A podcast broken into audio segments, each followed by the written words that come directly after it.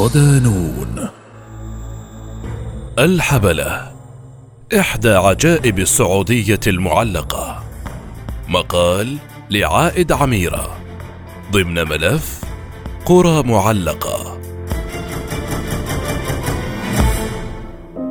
تضم المملكة العربية السعودية العديد من المناطق الطبيعية والأثرية غير المكتشفة وغير المعروفة للعموم بشكل كبير لأسباب عدة.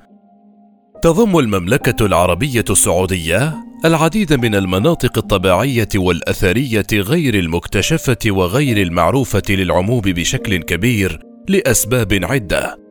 أهمها عدم أو تأخر استثمار سلطات المملكة في السياحة مكتفية بعائدات النفط الكثيرة لتنمية البلاد وجلب الاستثمارات. من أبرز هذه المناطق قرية الحبلة التي تعد إحدى أجمل قرى منطقة الوادين بعسير جنوب غرب المملكة. قرية تقع على ارتفاع ألفي متر فوق مستوى سطح البحر، فهي معلقة بحافة منحدر مبهر يعبق سحرها بكنوزها المحلية الكثيرة إذ تتميز بالجبال الخلابة والشلالات المتدفقة بين الصخور وبيوتها التقليدية العامرة والضاربة في التاريخ. ملف قرى معلقة لنون بوست سيحط الرحال هذه المرة في الحبلة للتعرف على ما وهب الله هذه القرية المعلقة من جمال طبيعي أخاذ فات يسحر العيون ويأسر القلوب، فضلا عن عمارتها القديمة التي تحكي قصة كفاح ومقاومة. القرية المعلقة عندما يفكر المرء في زيارة المملكة العربية السعودية، هناك العديد من الأشياء التي تتبادر إلى الذهن. لكن من بين هؤلاء قلة قليلة قد يفكرون في الذهاب إلى غرب المملكة، حيث الجبال الممتدة مد البصر على طول الحدود الجنوبية المتخمة لليمن. العديد من السعوديين والأجانب لا يعرفون إلا القليل عن هذه المنطقة من البلاد التي سميت بعسير وتعني صعبة فالوصول إليها ليس بالمهمة السهلة اطلاقا رغم أنها واحدة من أجمل المناطق وأكثرها إثارة للاهتمام في المملكة. ما إن تحط قدماك في تلك المنطقة؟ حتى تشدك قرية الحبلة إليها إذ تبدو الجبال المحيطة بالقرية هائلة. لك أن تتساءل حينها كيف يعيش الناس هناك وكيف تمكنوا من بناء منازلهم التقليدية بين صخور الجبال وأعلى التلال؟ لكن ما إن تصل للقرية حتى تجد أجوبة لكل الأسئلة التي تبادر ذهنك. جمالها لا يوصف طبيعتها خلابة وتاريخها عريق. تحمل بين تفاصيلها تراثا معماريا ساحرا وتكوينات رائعة.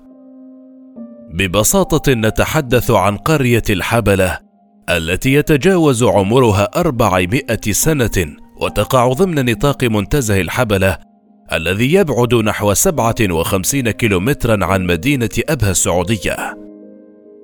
فضلا عن اسم الحبلة، يطلق عليها أيضا اسم القرية المعلقة، لموقعها أسفل جرف صخري ينحدر لنحو 300 متر من حافة جبال السروات الشاهقة ذات الارتفاع الكبير والمتجاوز ألفي متر عن سطح البحر فهي قرية معلقة بين الأرض والسماء. من المؤكد أن اللون الأخضر الطاغي على المنطقة والأشجار الكثيفة والهندسة المعمارية التقليدية والمنحدرات الشديدة لا يستحضرون على الفور افكارا عن شبه الجزيرة العربية وهذا ما يدفعك نحو المغامرة والاستكشاف. تعتبر قرية الحبل الغامضه والفريده من نوعها إحدى عجائب المملكة العربية السعودية. فهذه السلسلة من المنازل المصنوعة من الحجر الرملي محفورة من الصخور المحلية بنيت بشكل ينم عن عبقرية كبيرة وحسن تصرف مبهر فلا مجال للصدفة هناك. كان يسكنها في الأصل مجتمع قبلي يعرف باسم رجال الزهور. وترجع هذه التسمية إلى عاداتهم في ارتداء أكاليل من الأعشاب والزهور المجففة في شعرهم في الماضي كانوا يعيشون هنا محققين اكتفاءهم الذاتي من قطعان الماشية الصغيرة والحدائق المدرجة حتى الثمانينيات من القرن الماضي.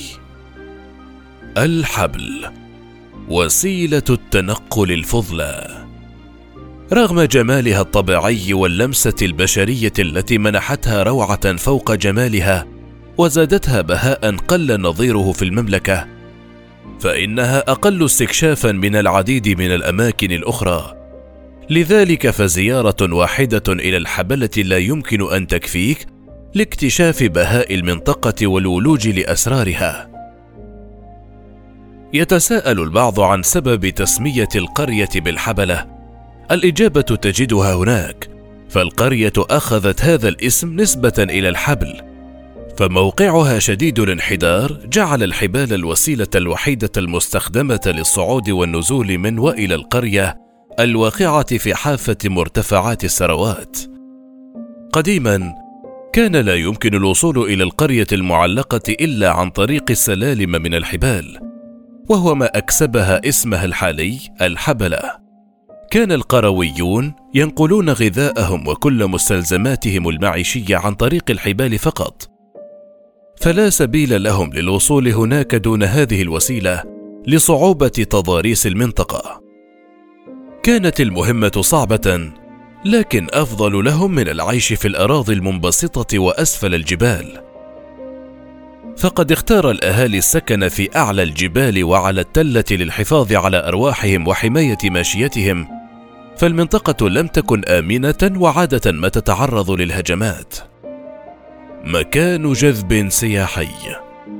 في تسعينيات القرن الماضي بدأت سلطات المملكة العربية السعودية حملة ترويجية للتعريف بالمنطقة.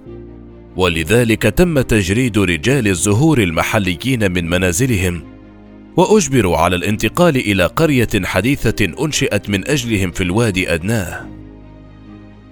رفض بعضهم ترك منازلهم ومغادرة القرية لكن الحرس الوطني السعودي أجلاهم بالقوة فأصبحت القرية فارغة لا أحد فيها ويسمح الآن لبعض السكان الأصليين بالعودة إليها من حين لآخر فقط لأداء بعض عاداتهم التقليدية للسياح خلال أشهر الصيف. تم تحويل معظم المباني القديمة في القرية إلى مرافق سياحية وأصبحت المنازل التقليدية الجميلة ذات الأبواب الخشبية تستخدم في الغالب كمطاعم ومقاه يجلس السياح داخلها أو خارجها للاستمتاع بشرب الشاي ومشاهدة المناظر الطبيعية الخلابة التي لم تشوهها يد الإنسان.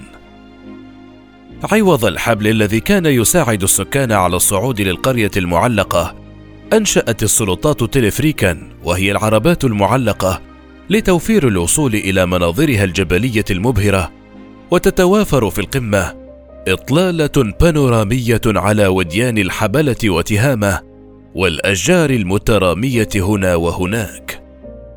تتحرك أربع عربات معلقة على حبال حديدية لنقل الزوار من أسفل القطع الصخرية إلى قرية الحبلة القديمة بمسافة 600 متر تقريبا.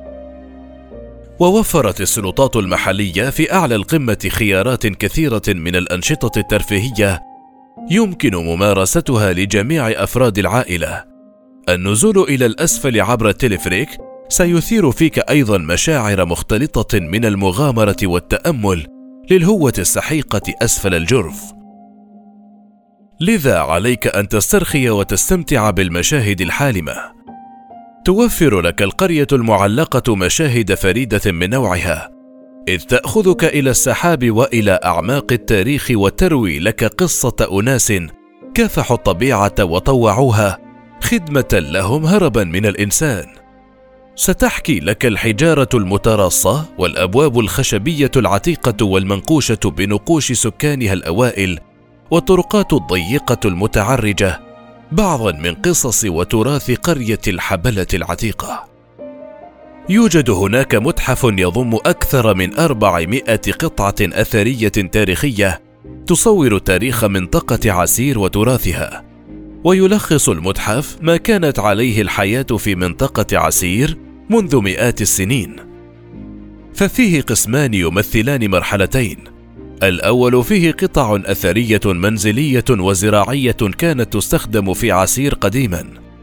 أما القسم الثاني فيعرض الخيام العربية ومصادر الغذاء والتجارة لسكان منطقة عسير والحيوانات المستخدمة في النقل وأقدم السيارات المستخدمة في المحافظة منذ أكثر من ثمانين سنة. تجمع قرية الحبل التراثية بين الأصالة والتاريخ والحضارة والترفيه والمناخ الساحر والعمارة الفريدة. ما يجعلها مقصدا مهما للسياح من داخل المملكة ومن خارجها أيضا رغم عدم وجود حملات كافية للترويج لها.